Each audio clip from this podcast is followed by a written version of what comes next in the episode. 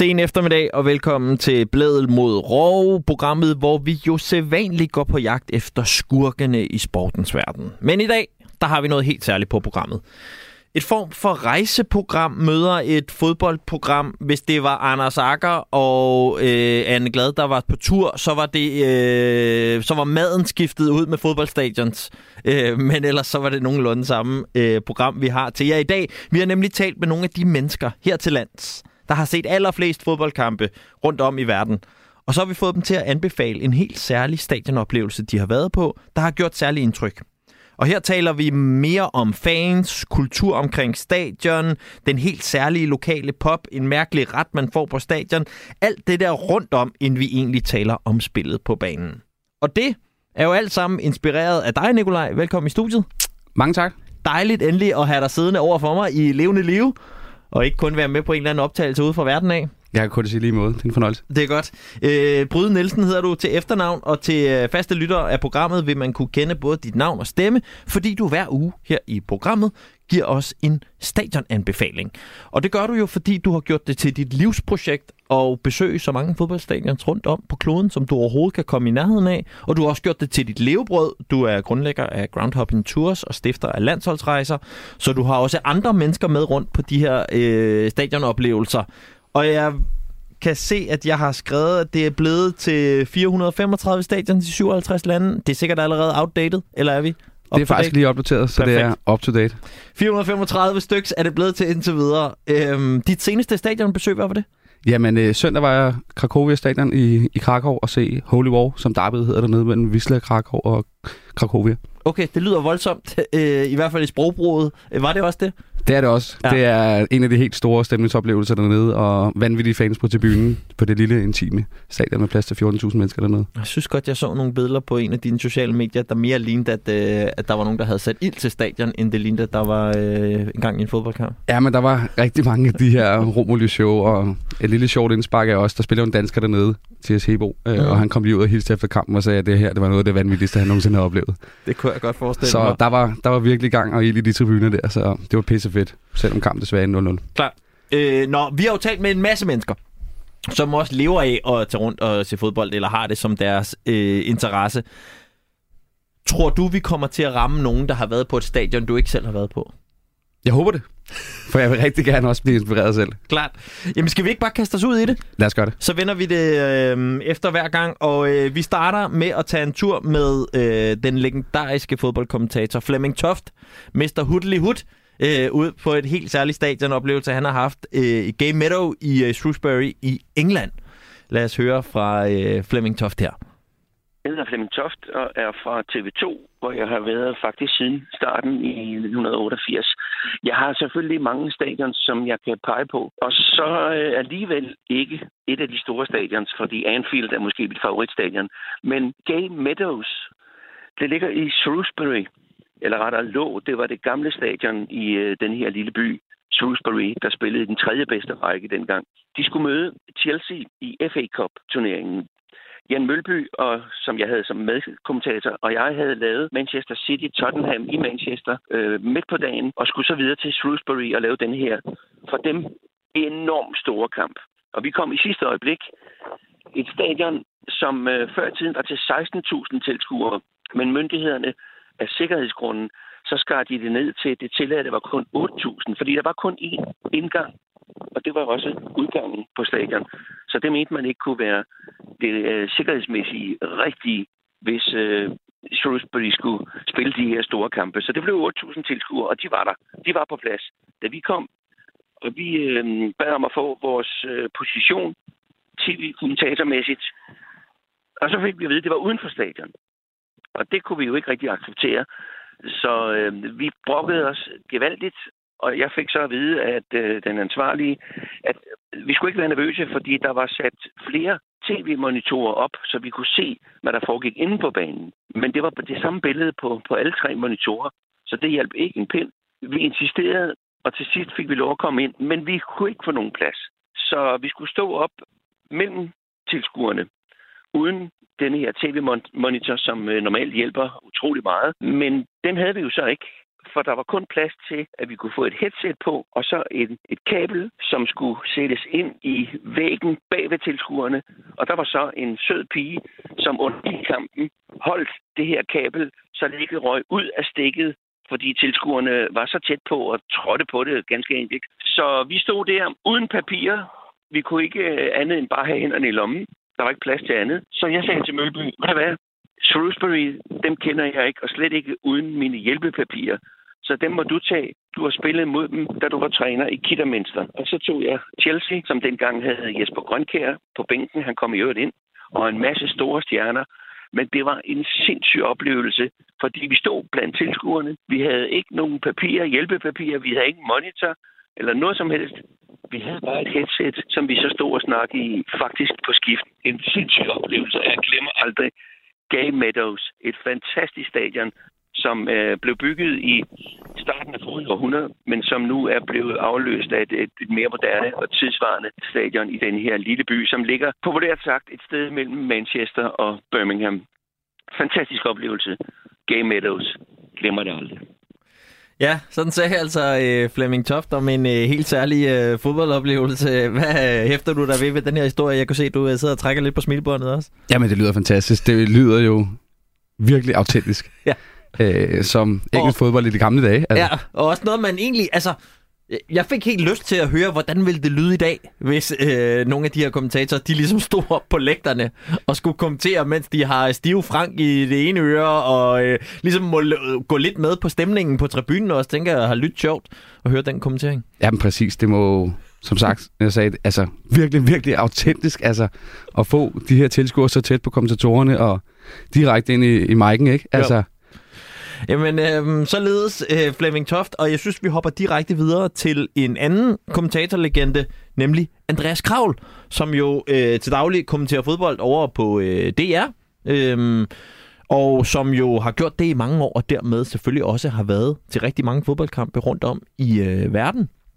Øhm, og den her, det er en af dem, som jeg godt tør sige, en af de lidt mere fjerne afkrog, øhm, fordi han skal tage os med til Arena da Amazonia, øh, i Amazonas i Brasilien. Og Nikolaj, jeg skal være ærlig og sige, jeg håbede lidt, det er den her, vi får dig på, fordi ellers er jeg lidt i tvivl, om vi nogensinde får dig. Har du været på det stadion? Jeg har set det udefra, men der var desværre ikke kamp, da jeg var på besøg i Amazonas. Jeg kan se ærligheden i dine øjne. Ja, for der er langt til, til at få det stadion på CV'et. Øhm, nå, skal vi ikke øh, starte med at høre øh, Kravls øh, oplevelse af at tage til fodbold i Amazonas, og øh, så kan vi lige øh, vende nogle af dine Brasiliens oplevelser på øh, bagkant. Kommer her. Andreas Kravl og Amazonsturen.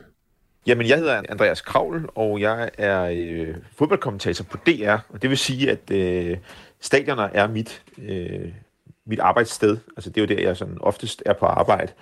Øh, af samme årsag, der øh, går jeg meget op i stadioner, og jeg elsker faktisk fodboldstadioner. Øh, nogle gange så, øh, så meget, at jeg i virkeligheden sådan måske mere glæder mig til, til stadion, øh, til omgivelserne osv., til stemningen ind, ind til, øh, til fodboldkampen. Det er i hvert fald noget, der jeg altid har gået meget op i. Øhm, så derfor var jeg selvfølgelig glad for ligesom at skulle, skulle fortælle om et stadion, øh, og havde først tænkt på at fortælle om øh, det, der hed Donbass Arena, der lå i, eller faktisk jo stadigvæk ligger i, i den ukrainske by Donetsk, øh, der ligger i det østlige Ukraine, øh, hvor der jo desværre lige nu er, af krig, øh, så det ligger jo faktisk, øh, faktisk på slagmarken, øh, og det er så mærkeligt at tænke på, at jeg sad derude i, i 2012, øh, der var EM i fodbold, og FC Nordsjælland spillede faktisk også Champions League derude mod Shakhtar Donetsk. Øh, et fantastisk fodboldstadion på det tidspunkt, det, øh, det højst rangerede stadion, seks stjerner i, i UEFA. Men det var alligevel lidt for trist øh, med, med et stadion, der tror jeg faktisk nu øh, er blevet brugt også til hospital, så så jeg har i stedet for valgt at, øh, at tage sådan en, en rigtig øh, eksotisk rejse. Så jeg har valgt et stadion, jeg besøgte til VM øh, i 2014. En slutrunde, der blev holdt i Brasilien. Øh, og, øh, og der var mange stadioner, og, og mange af dem var også nybyggede. Øh, og, og de fleste kampe blev spillet i, øh, i de største byer. I øh, finalen var på de ikoniske Maracanã i Rio de Janeiro. Åbningskampen var i Sao Paulo. Øh, men der var kampe, der blev spillet dybt, dybt inde i Amazonas-junglen, i øh, en by, der hedder Manaus, som ligger derinde.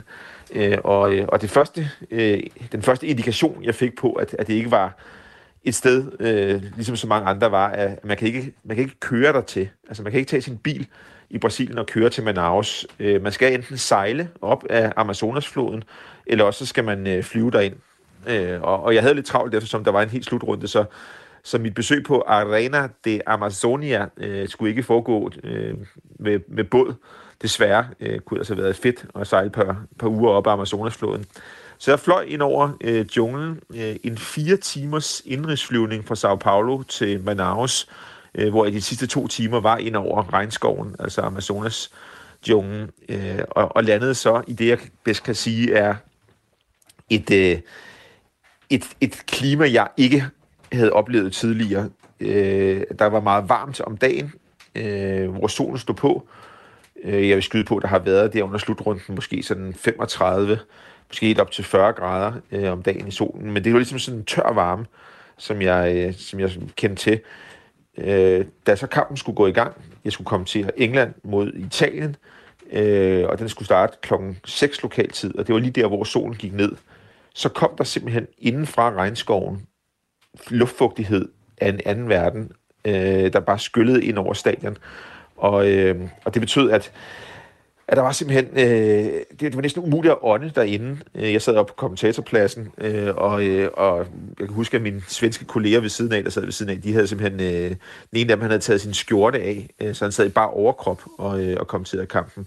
Øh, den der luftfugtighed, som, som øh, jeg i hvert fald ikke havde oplevet til en fodboldkamp før. Jeg havde stor, stor sympati med Wayne Rooney, der spillede for, øh, for England, og han så ud til at lide, lide rigtig meget nede på, øh, på banen. Det er rigtig mange lokale, der er inde og se kampen, fordi det, altså selvfølgelig var der englænder og italienere, der havde, der havde fundet vej, øh, den, den lange, lange vej ind til, til det her stadion inde i Amazonas-junglen, men, men det var svært at komme der til, så, så rigtig mange af billetterne var også solgt til, øh, til lokale. Øh, det her stadion øh, blev egentlig faktisk bygget til øh, VM-slutrunden i 2014. Øh, der lå et stadion i forvejen, øh, som var, var blevet revet ned, men, men Manaus, byen herinde i amazonas har ikke noget hold i den bedste brasilianske liga, så, så de er jo ikke vant til at se øh, storkampe, så det var jo også sådan en, en, en hvad det hedder, øh, en vild begivenhed øh, i byen, øh, som, som er øh, fuldstændig omkranset af regnskoven, og der er mange af sådan, de øh, oprindelige indianske folk stadigvæk, sådan man kan se i, i gadebilledet. Og sådan, så, så der var en helt anden stemning, end der var i nogle af de andre byer under VM i, øh, i Brasilien, øh, hvor der var rigtig mange, altså når for eksempel når Argentina spillede, eller når Chile spillede, så var der måske 30.000 chilenere, øh, 30.000 argentinere på, øh, på stadion, og masser af gadebilleder rundt omkring. Og det var sådan en helt anden stemning, der var herinde i, øh, i junglen. Og, og også meget sigende egentlig sådan for, for hele slutrunden, at, det her nye stadion, der skulle bygges, Arena de Amazonia, med, med plads til over 40.000, øhm, det, var, øh, det var gået i gang, jeg mener, det var i, i 2009, altså fem år før, og de var altså ikke færdige, da, da, da, altså, da, da, der, der stod i stadion, og der var en fodboldbane, øh, og, og der var også alle de tilskuerpladser, der skulle være, men, men der var jo stadigvæk folk, der gik i gang med at gik rundt og lavede noget uden øh, ude omkring. Øh, jeg kan huske, at jeg tænkte, det her det er jo ikke et nyt stadion. Altså, det, er jo ikke sådan, det står ikke funklende klar, når man kommer op. Det var meget sådan brasiliansk, og det var meget rustikt, og, og jeg tror faktisk også, at de havde snydt lidt og, og, og brugt noget af det gamle stadion, øh, faktisk, fordi der var noget af det, det var altså ikke, det var ikke nye materialer, så, øh, så på den måde, så, så, så føles det, det føles virkelig øh, som en, en, en meget ja, autentisk oplevelse at, at være inde i junglen på sådan et, et, et, et nyt, men stadig nedslidt stadion, med hvordan, hvor mærkeligt det end lyder, og så med, med en meget anden stemning, end der var til de fleste af de VM-kampe, der var ved den slutrunde. Hvis man er på, øh, på de kanter der, så, øh, og, øh, og er i Brasilien og har lidt tid, så, øh, så vil jeg øh, anbefale alle at tage ind og besøge den her Arena de Amazonia. Øh, se måske det lokale hold øh, spille. Øh, de, øh, de ligger som sagt i... Øh, de ligger faktisk i den bedste række. Det er så bare Amazonas øh, regionens bedste række. Øh, jeg tror, det hedder National eller sådan et eller andet. Så, øh, så prøv at se, om man kan komme ind og se den på, øh, på det stadion, hvor at Wayne Rooney altså engang led i, øh, i den brasilianske øh, Jones varme. Andreas Kravl hed manden, der lige tog os med ind i Amazonas-junglen til en fodboldoplevelse. Tu Blædel hedder jeg. Jeg er vært på øh, programmet her, der hedder Blædet mod Rov her på Radio 4. Og øh, over for mig i studiet, der sidder Nikolaj Bryde Nielsen, som er ham, der hver uge giver os en stadionanbefaling her i programmet. Øhm, og som derudover også har groundhopping tours og dagligt lever og ånder for at tage rundt i verden og besøge fodboldstadions. Øh, det her, det må være guf for dine ører, øh, tænker jeg, Nikolaj. Jamen, det lyder fantastisk, og jeg ærger mig rigtig meget den dag i dag, hvor jeg stadig ikke har besøgt det her fantastiske stadion i, i Amazon i Manaus. Men du har så været ved stadion, du har bare ikke været til en kamp? Korrekt. Og jeg har også, var også til den her fantastiske slutrunde i Brasilien, som Kravler omtaler rigtig meget, og så seks stadions, mm. men vi nåede aldrig til Manaus. Og den dag, jeg var i Manaus, det er stadig en del år siden, der spillede de desværre ikke hjemme, så jeg havde lavet rookie mistake og planlagt lidt forkert i kalenderen. Nej, Nå, så det er først nærmest, da du møder op, eller kommer i nærheden af stadion, at det begynder at gå op for dig? Nej, tre dage inden. Okay. Øh, jeg sidder faktisk på sådan en øh, flodpram i, i syv dage igennem Amazonas for at komme til Manaus Når du tog båden? Jeg tog den lang vej ind. Okay, stærkt øh, for at få den oplevelse med. Ja. Så jeg tog ikke den hurtige løsning som kravl, men han havde så også det travlt, kunne jeg forstå på det hele. Ikke? Øh, men den her... Hvad var det for en oplevelse så, at øh, sejle der på Amazonas op mod stadion? Jamen altså, de første 36 timer var fantastiske. Øh, igennem Amazonen i en hængekøj, som var, var en soveplads i syv dage, og så med en masse lokaler og en lille bar. Men når den tager syv dage, så de sidste fem... Det blive langt. Ja, det er lidt det samme, ikke? Øh, så dem kunne man godt have undværet, men, øh, men bagefter, når man kigger tilbage på det, var det jo en af de der helt unikke oplevelser, man aldrig får igen. Og prøv lige at beskrive så, fordi du har så været på stadion også, når man ankommer til det her stadion, altså, øh, hvordan ser der ud øh, i forhold til at besøge fodboldstadion til alle mulige andre steder? Ja, men jeg vil sige, det er jo, man er også stadig en stor by, så det er det specielle, det er den her luftfugtighed. Ja. Og da jeg tænkte, da jeg var der, det, at det må være helt ulideligt at spille fodbold. Jeg husker også, de snakker om det i tv, og han nævner også selv Rooney her. Som en mand, som man forestiller sig, ikke nødvendigvis har det godt i plus bare 18 grader. Ja, men jeg vil sige, jeg havde det ikke engang godt, når jeg skulle sidde stille og drikke en cola på en café. Så jeg skulle spille en fodboldkamp, hvor jeg har været helt, helt, helt ulideligt. Men den her slutrunde var jo fantastisk, ja. og kunne noget specielt.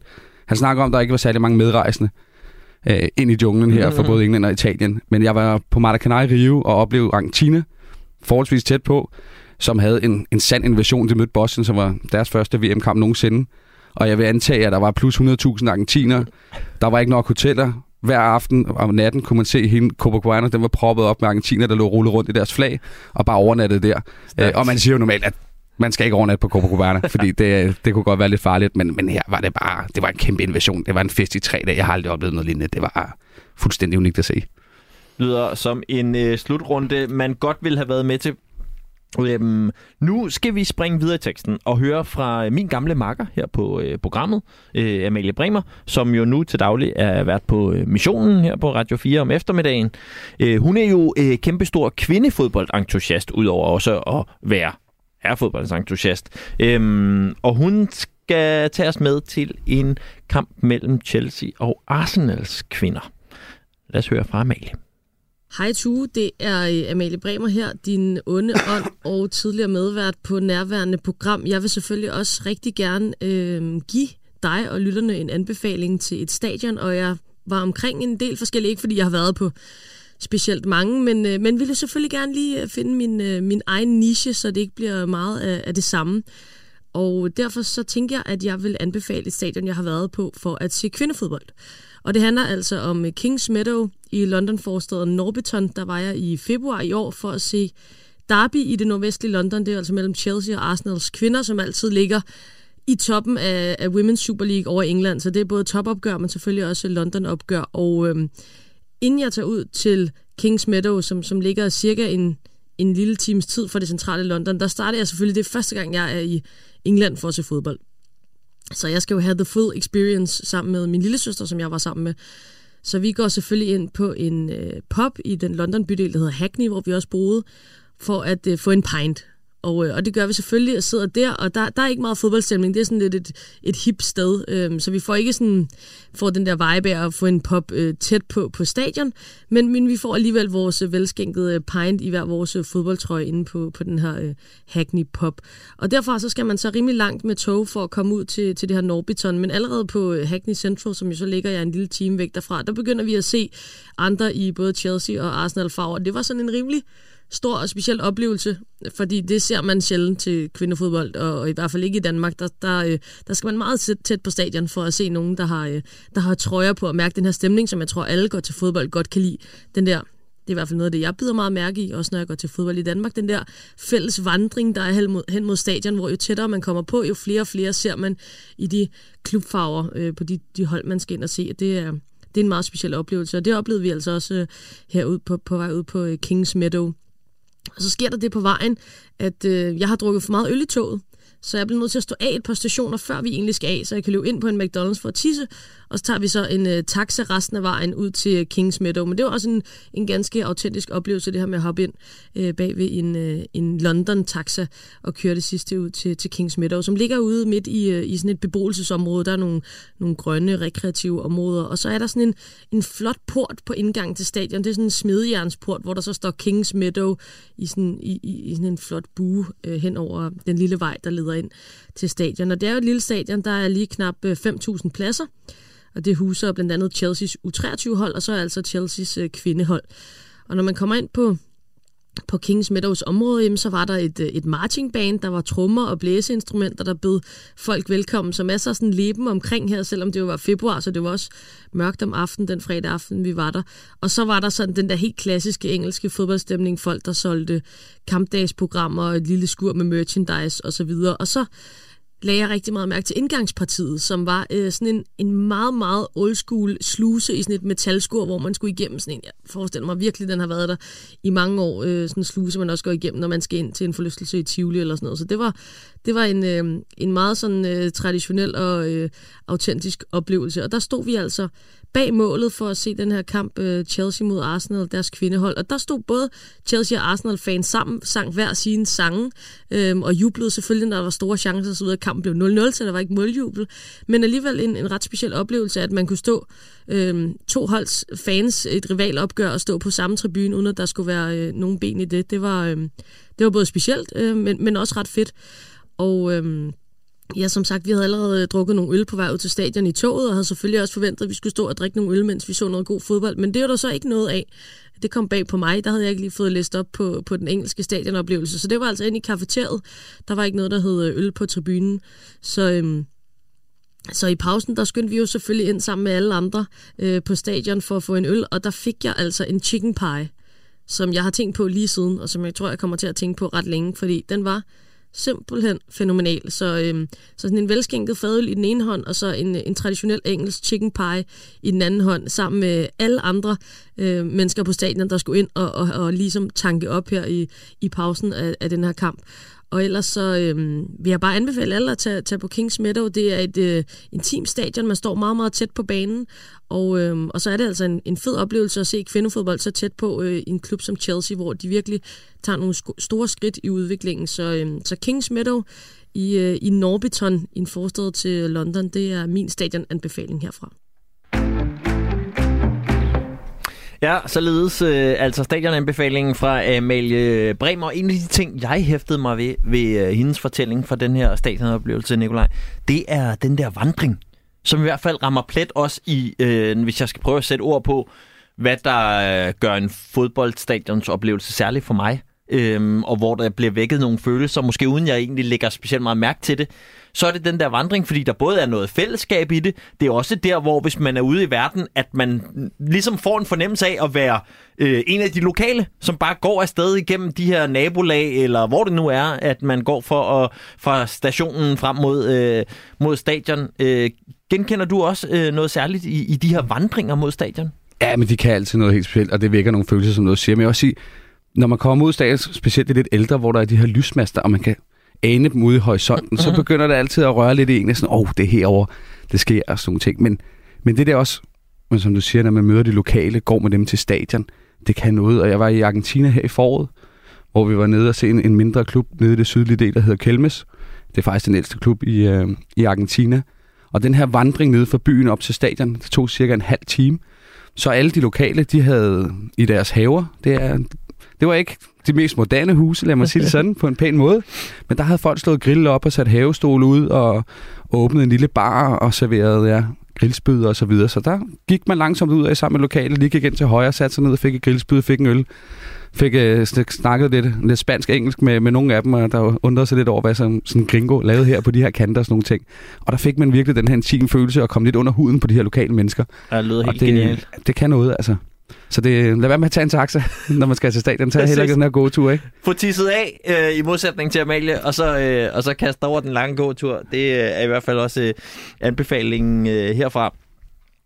Vi skal videre, øh, fordi vi har masser af prominente øh, fodboldmennesker, øh, der gerne vil give en særlig stadionoplevelse til os i øh, dagens program. Og den næste, vi skal høre fra, det er intet mindre end en EM92-helt, øh, nemlig øh, Morten Brun, som jo altså øh, nu gør sig som øh, fodboldkommentator på øh, over hos vores kollegaer på TV2. Og øh, Morten Bruns helt særlige stadionsoplevelse, den kommer her. Mit navn er Morten Brun. Jeg er fodboldekspert på TV2 og kommenterer blandt andet de danske landsholdskampe. Jeg har et øh, ganske særligt forhold til det stadion i Hamburg, som nu igen hedder Volkspark. Det hed det jo i gamle dage, det hedder Volkspark Stadion, fordi det ligger i den her store Folkets Park, så har, har de af flere omgange haft nogle uh, kommercielle navne, men er nu heldigvis tilbage til Volkspark. Det var et af de første steder, hvor jeg havde sådan en, en rigtig sådan ud af kroppen fodboldoplevelse, og det var øh, i slutningen af 70'erne, hvor vores øh, fodboldtræner i Uldum IK havde arrangeret sådan en tur ned til Hamburger Sportsverein, eller HSV.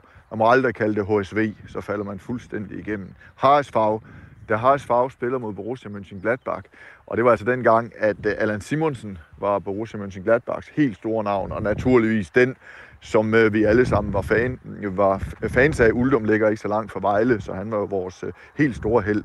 Og på det tidspunkt spillede Kevin Keegan i, øh, i Hamburger Sportsverein, så det var sådan en kamp, øh, øh, Keegan gegen Simonsen, og Hamburg, Hamburg, Hamburg vinder med, med 3-0, og der, der er totalt foldes house, og det var virkelig sådan en, øh, altså okay, vi havde været inde og se Vejle masser af gange, men det her, det var bare, det var bare en fuldstændig en anden verden. Og så har jeg sådan i, i årene derefter øh, fulgt Hamburg og også været dernede som øh, ungdomstræner med, med den, i den klub, hvor jeg blev ungdomstræner i IF Lysing, og oplevede det her enormt fede, der er ved, at øh, når man tager sit ungdomshold med ned til, til Hamburger Sportsverein, til Volkspark Stadion, koster det 10 euro at komme ind. Det er altså billigere, end det, end det koster på mange danske fodboldstadioner. Men der har de en politik i Tyskland om, at øh, selvfølgelig skal børn have en mulighed for at komme til fodbold. Man får ikke de bedste pladser på stadion, men det er stadigvæk en enormt stor og fed oplevelse.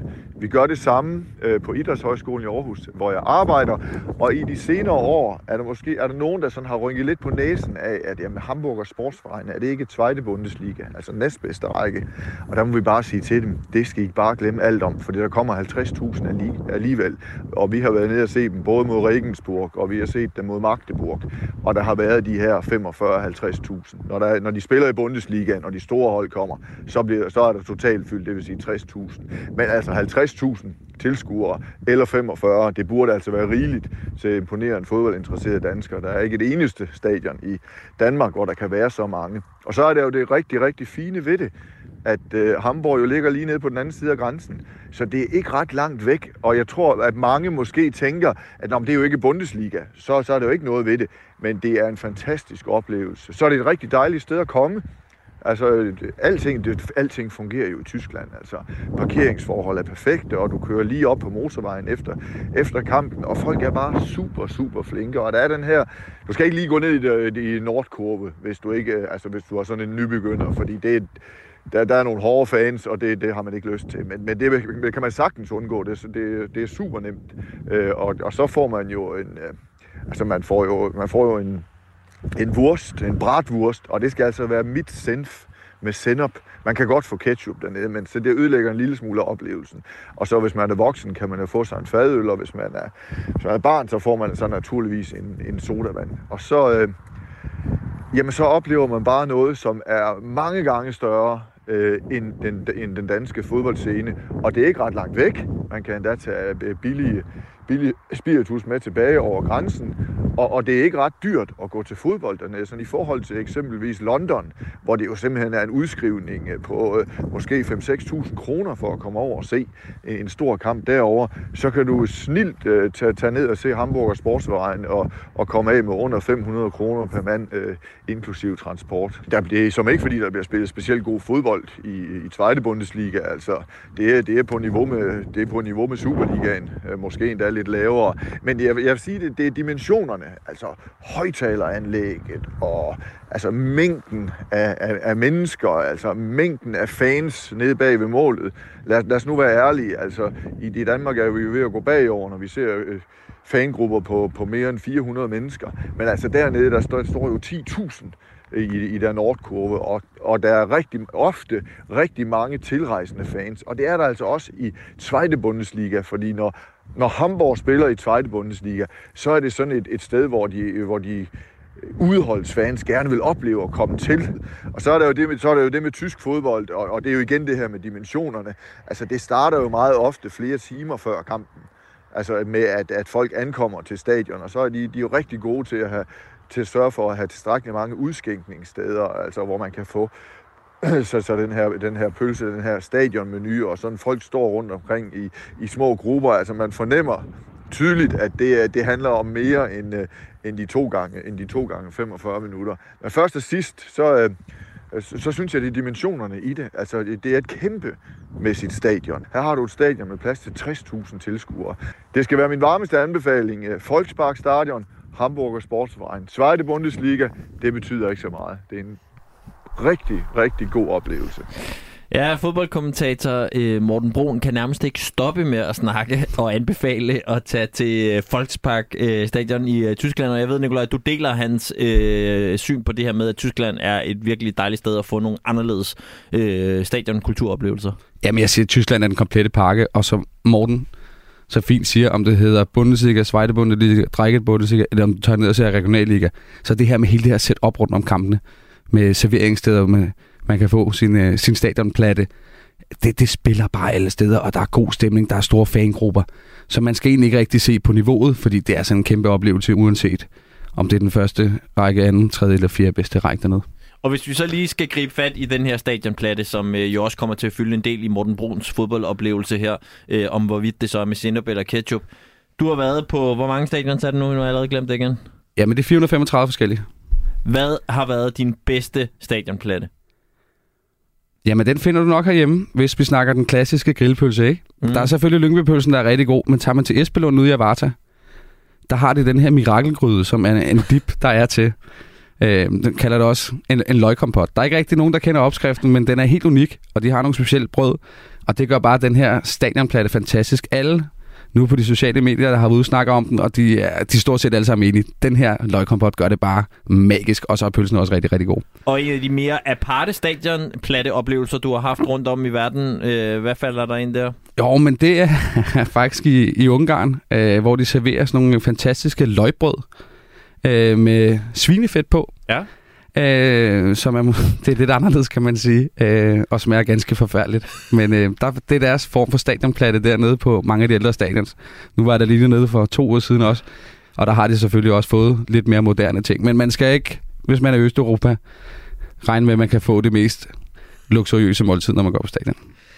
Vi må videre til øh, vores næste stadionoplevelse. Øh, den kommer fra sportsjournalist og vært på Discovery, Mette Cornelius, som tager os med tilbage øh, til det, der i hvert fald med landsholdsbriller er en magisk aften på Aviva Stadion i Irland, hvor øh, Danmark vandt 5-1 og øh, sikrede sig øh, VM-billetten. Og øh, til den kamp har Mette øh, nogle helt særlige øh, minder, som hun deler med os her. Jeg hedder Mette Cornelius, og jeg er fodboldjournalist eller sportsjournalist og vært på øh, Discovery, øh, Warner Brothers Discovery, som det hedder nu.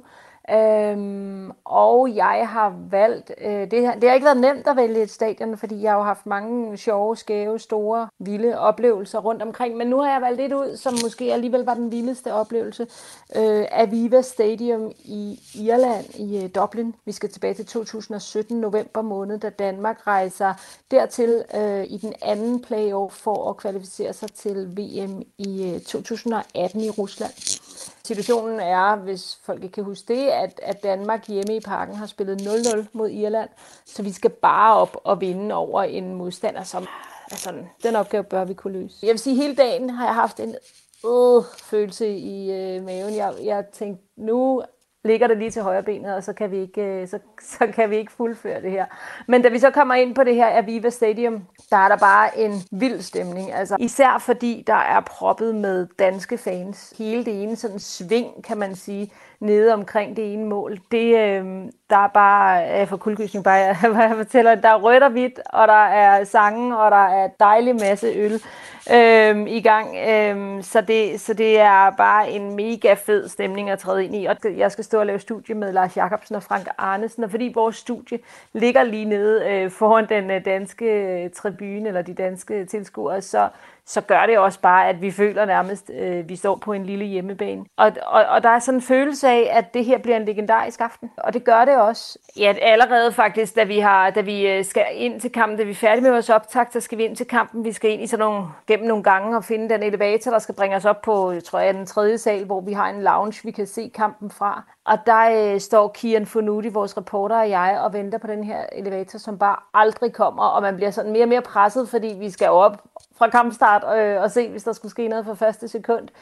Øhm, og vi, kan, vi tør ligesom ikke løbe rundt i de her katakomber, fordi vi ikke rigtig er hjemmevandte der, så vi skal jo heller ikke blive væk øh, fra kampen. Men da den så endelig kommer ned, så er den, altså, der står måske otte mennesker derinde, der er fuldstændig proppet, øh, men vi maser os alligevel ind, for vi ved ikke, hvornår den nogensinde kommer igen, den her elevator. Og da vi så kommer ind i den, og, og, øh, og begynder, den dørene lukker sig, så øh, jeg er ikke den store Westlife-fan, men det er Kian, og det har han i hvert fald især været i sine unge dage, så der står åbenbart øh, nogle bandmedlemmer fra Westlife derinde, så Kian han begynder at synge, fordi han tænker, øh, at han synger selvfølgelig Westlife, fordi han tænker, det her, øh, nu har jeg mit moment, nu skal de godt nok høre, hvad jeg kan. Øh, og det var så akavet. Altså, det var så akavet. Men han sagde, øh, ham øh, Westlife-duben øh, sagde et eller andet sådan, øh, jeg har godt sunget, øh, eller et eller andet i den stil, men sådan helt afdæmpet, så det var bare akavet hele vejen op på en tredje sal, eller hvor vi kom hen. Men, men så kommer vi så ind og skal se den her kamp fra den lounge, øhm, og er totalt klar sammen med vores kollegaer, der også står deroppe, og så bliver det bare punkteret det hele efter 6 minutter, da Irland øh, scorer, og, man tænker, og jeg bare tænker, det var den følelse, jeg havde haft hele dagen.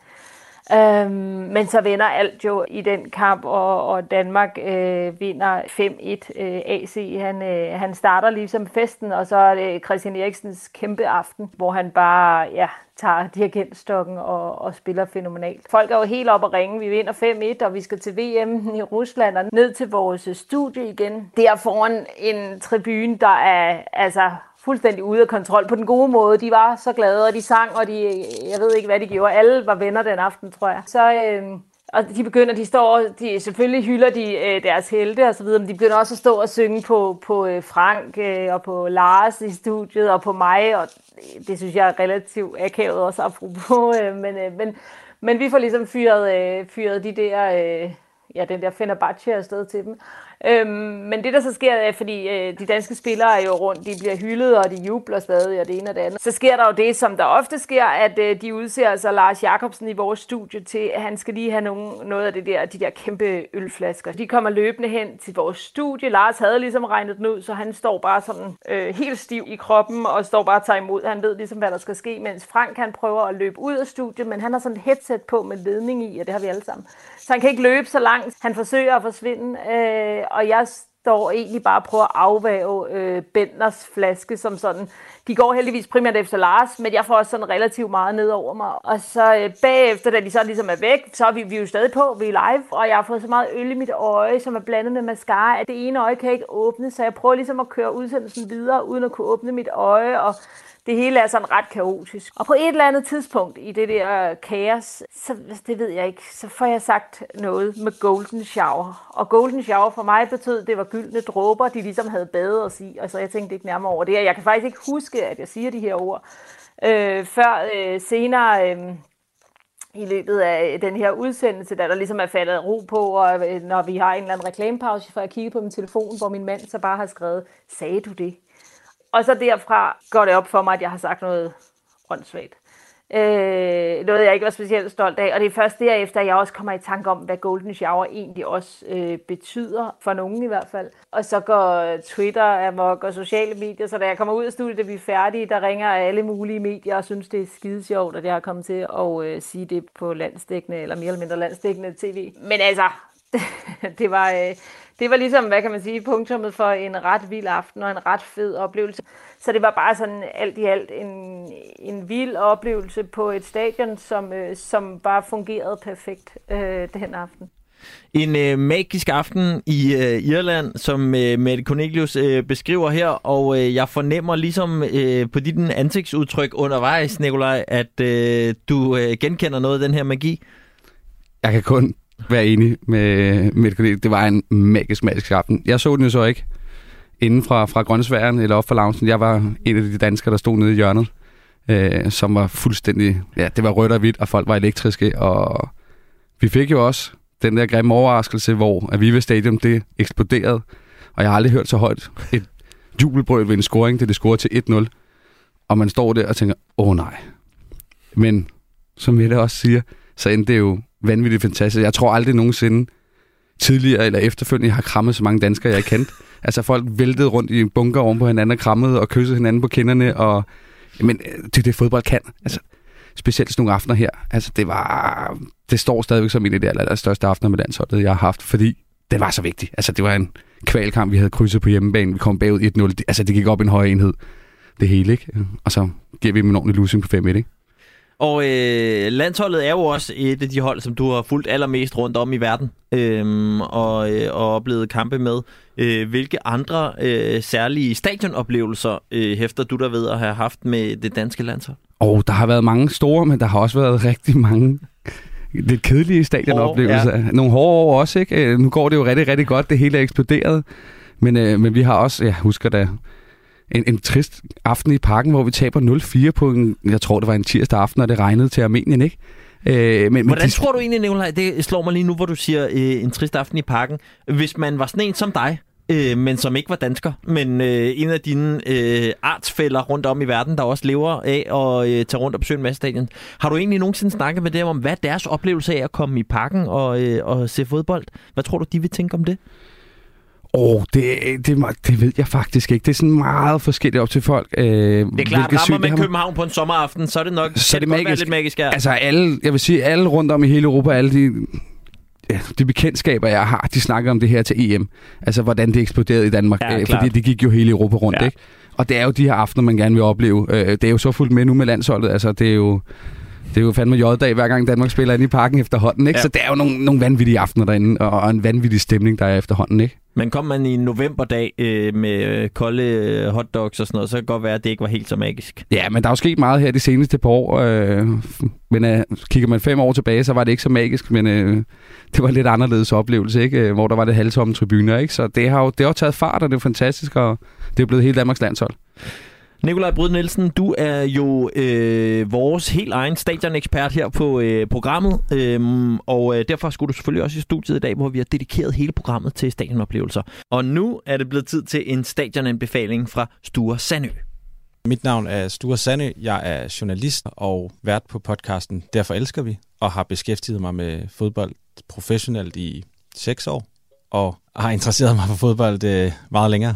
Jamen, vi skal øh, på Alte Første i øh, Berlin, Union Berlins hjemmebane, der ligger ude i skoven. Øh, det hedder, ja, egentlig øh, An der Alten Første som betyder ved det gamle savværk, eller sådan noget den stil. Og det ligger også ude i en skov. En af de ting, som jeg godt kan lide ved det, det er øh, den oplevelse, man får på vej til stadion. Det synes jeg er en stor del af det at gå til fodbold også, at der ligesom er en helhedsoplevelse, som er god, og det er der især for, for det her stadion, at man typisk vil tage øh, en S-barn ud i Købernik, hvor, øh, hvor stadion ligger, som er sådan en forstad, som egentlig ikke det er ikke et sted, man ellers vil komme, men øh, efterhånden, som man nærmer sig, så kommer der bare flere og flere rødklædte fans øh, med toget, og der er ligesom en, en fodboldstemning, der starter der på vej derud nogle timer før kampen, og så stiger man af, og så lige pludselig står man bare på en station, hvor der ikke er andet end Union Berlin-fans, øh, hvis, det er, hvis det er dem, man er fuldtes med, og det vil det jo nok typisk være.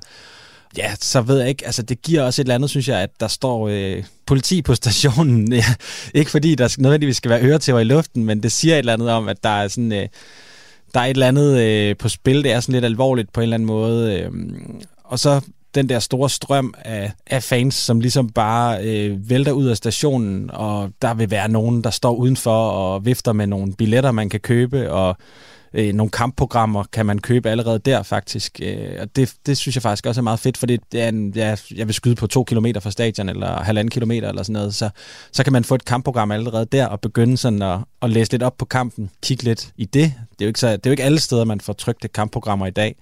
Og så kan man købe en øl eller en pølse på vejen i en af de øh, boder, der ligesom er sat op, som er sådan nogle lidt sådan ukurante boder, som ikke er helt officielle. Og, og så går man der sammen med en, med en masse andre forventningsfulde fans, og det er meget blandet. Altså øh, kvinder, børn, mænd, store, tykke, tynde, i alle aldre. Det er, sådan, øh, det er meget blandet. Og så nærmer man sig stadion, og det sidste stykke, der går man så gennem en skov, øh, hvor der er sådan en, altså der, sælger, der står også nogen, der sælger halsterklæder ind i skoven, som sådan er lagt ud i skovbunden. Og øh, det er, jeg synes bare, det er fedt, når der er sådan noget, som ikke kun er sådan noget poleret, øh, sådan officielle merchandise-boder og sådan nogle ting. Det kan, jeg, det kan jeg rigtig godt lide. Og så går man igennem de her gamle øh, billetluer og bliver tjekket super grundigt, som man jo gør i Tyskland. Der gør de faktisk noget ud af at tjekke, at der ikke kommer alt muligt med ind. Øh, og så er der sådan et område omkring stadion, som er øh, lidt sådan fanzone-agtigt. Der har de været meget forud for deres tid. Øh, der er en masse boder igen, som sælger merchandise, øh, men også forskellige slags mad. Man kan altid få sådan en, sådan en slags, det er jo ikke en sådan stor snitsel, men det er sådan en kotelet i brød, eller øh, forskellige slags øh, pølser. Øh, meget tysk, og der er selvfølgelig også øl. Og øh, det er nogle ingredienser, som jeg synes hører sig til fodbold. Og så er det et, det er et gammelt stadion, som er blevet øh, renoveret, men det er gjort i en, i en god ånd. Altså, det ligger jo ikke på en høj, men man skal ligesom op ad nogle trapper for at komme op og kunne se banen. Og jeg synes, det kan bare noget helt magisk, øh, når man kommer til et stadion. Det er, når man ser græsset for første gang. Men, øh, men specielt når man kommer til et nyt stadion, så er det jo selvfølgelig også en speciel oplevelse. Og noget af det, som, som gør øh, det her stadion fantastisk, det er, at der er ståpladser på øh, den ene lange side, og så bag begge mål. Så det er et stadion, hvor folk synger med, og det giver bare en anden lyd, når folk står op. Der er ikke nogen, der sidder ned på de, øh, på de der ståtribuner, og så er der den, den ene langside, som er der, hvor spillerne er, og journalisterne er, og sådan nogle ting. Det er så sådan en sponsoragtig tribune. Og øh, ja, det, det, det, jeg ser det egentlig mere som, at det er noget, man har etableret af nød end af lyst. Fordi der er sådan en stemning af, at når man er til fodbold her, så er alle med. Og, øh, og der bliver selvfølgelig givet mere gas blandt de sådan hardcore fans, men hele stadion er med. Og som sagt, jeg har haft min datter på et år med, og det var intet problem. Altså det synes jeg var, det kan jeg godt lide, at der både er stemning, uden at det behøver nødvendigvis at være øh, farligt eller troende eller noget som helst. Det, det kan bare noget, og øh, så er tyskerne jo bare skide gode til at gå til fodbold. Altså, de er, de er søde og rare i køerne, og jeg har også prøvet, man står der på en stor tribune, man har ligesom kun plads til en, en sektion, men ikke nødvendigvis et, en bestemt plads. Og der har jeg prøvet det der med at stå i pausen og tænke, åh, oh, vi vil egentlig gerne lige øh, ud og have noget at spise og på toilettet. Og så forlader man sin plads, og så kommer man tilbage efter pausen, og så kunne hjælpe med, om den ikke øh, stadigvæk er der, når man kommer tilbage på sådan en ståtribune. Det har jeg, det har jeg ikke prøvet andre steder. Så det er, det er virkelig øh, en god oplevelse, synes jeg, at gå til fodbold der, uanset udfaldet. Jeg har set dem vinde og tabe og spille uafgjort, men det har altid været en stor oplevelse, for mig i hvert fald. Så øh, det er, det er et stadion, som jeg, som jeg virkelig holder meget af, og som, da det blev renoveret, øh, altså det er jo en relativt lille klub, som har gjort det godt de seneste år, men da det blev renoveret, havde de ikke så mange penge, og der var der rigtig mange fra klubben, som ligesom, eller øh, fansene, som, som bød ind med de ting, de kunne. Altså, der var nogen, der var murer, der var nogen, der var tømrer, der var nogen, der var øh, Øh, arkitekter og så videre, som ligesom har øh, sammen været med til at gøre det muligt at lave det stadion. Øh, og der var også en kampagne, som, som gik ud på, at man skulle donere blod. Man, der var noget med, at man fik nogle penge for at donere blod, og der var så rigtig mange fans, der gik sammen om at donere blod til at finansiere det her stadion. Så det er også et, et stadion, som betyder enormt meget for de mennesker, som kommer der, som er, som er medlemmer af klubben, øh, som man skal være i dag for at kunne købe billetter overhovedet, fordi at det er et relativt lille stadion. øh, til, til et Bundesliga-hold. Men det synes jeg også gør noget, at det ikke bare er et, der er opført for nogle øh, milliarder, som man ikke aner, hvordan er kommet, øh, kommet til Tyskland, eller, eller hvor det nu måtte være. Så det er, det er virkelig et stadion, som jeg, øh, som jeg holder meget af. Et øh, stadion-anbefaling øh, fra øh, Sturs, øh, som altså jo øh, øh, lyder som om et, et vidderligt bygget ud af hjerteblod fra fansene, øh, bogstaveligt talt. Det er det også. Ja. Det er, altså, som Sture siger, det er, det er også en af mine klare favoritter i Tyskland. Det der andre alder første rej med alle ståpladser. Det er tre ståtribuner, en lille side til byen, klubben er imod, sædepladser, sig selv folk, der sidder på langsiden på stolen, de står bag stolene det er en klub, der kan virke noget, og den emmer bare kærlighed, og det er flinke folk, de er meget snaksalige, og den kan alt, den her klub, når man besøger dem. Altså, det er og som at træde ind i en tidslomme, og det er 20 år tilbage. Vi når også øh, min øh, partner in crime igennem mange, mange år i øh, radioen, øh, Tony Scott, som jo er en mand, jeg ved elsker at rejse, og også har dækket øh, flere øh, slutrunder, så jeg har været spændt på at høre, øh, hvilke stadion han har valgt. Hej, det er øh, Tony Scott her med en øh, stadion-anbefaling. Jamen, jeg tror, jeg vil vælge øh, en oplevelse, jeg havde, da jeg rejste i øh, Sydamerika, hvor at vi var i Buenos Aires, og øh, når man er i Buenos Aires, så er der øh, nogle ting, man skal. Øh, man skal danse tango i gaderne, man skal spise en meget stor steak, øh, man skal gå over verdens bredeste vej, den er faktisk i Buenos Aires, og så skal man se Boca Juniors spille fodbold på La Bomba Nære-stadionet, øh, øh, som det jo øh, bliver kaldt. Øh, det hedder i, i virkeligheden øh, noget længere, øh, et eller andet... Øh, ja, det kan jeg faktisk ikke huske. Det har sådan en, en mere officiel titel, Alberto Armando, eller, eller noget andet, der klinger sådan øh, som noget fra, fra, fra de bredder og længdegrader.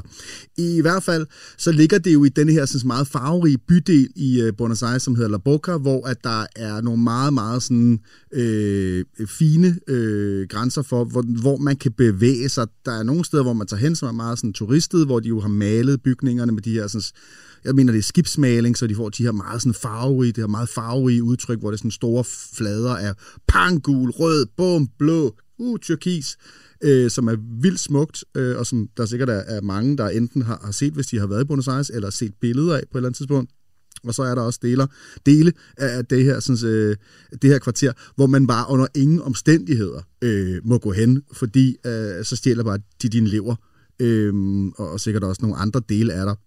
Så da jeg kan bare huske, at vi bookede den der tur til stadion, der var det meget sådan, du igennem en sådan en turistagtig øh, et turistfirma, hvor man ligesom sagde, at vi skal bruge de her tre billetter. Jeg var sammen med to kammerater, Mikkel og Christian, og vi skulle se den der kamp, og så ville man blive hentet, og der var sådan en, kan jeg også huske, en briefing om, du ved, så kører vi i bilen, og, og man får en souvenir, og så må en nøglering, og så kommer man hen til stadion, og så skal man gå ind ad den, og man må ikke ligesom bare sådan, du ved, gå rundt om stadion en tur, eller kigge eller noget som helst, fordi det er slet ikke den vibe, der er. Så, så man ankommer i et lille, et lille sådan taxarubrød, øh, sammen med et par andre turister, mener jeg, og så kommer vi ligesom op, og så bliver man sat på en plads, og så øh, skal vi så overvære den her øh, fodboldkamp, som... Øh, som i sig selv, jeg ikke kan huske så forfærdeligt meget fra, andet end at, jeg kan huske Riquelme spillede, øh, som på det tidspunkt var en stor øh, argentinsk stjerne øh, i fodbold, han var god til at sparke frispark, øh, god til at lægge nogle afleveringer, øh, og det var, må have været før han skiftede til, til Barcelona, så vi ville i de tidlige nuller, tænker jeg.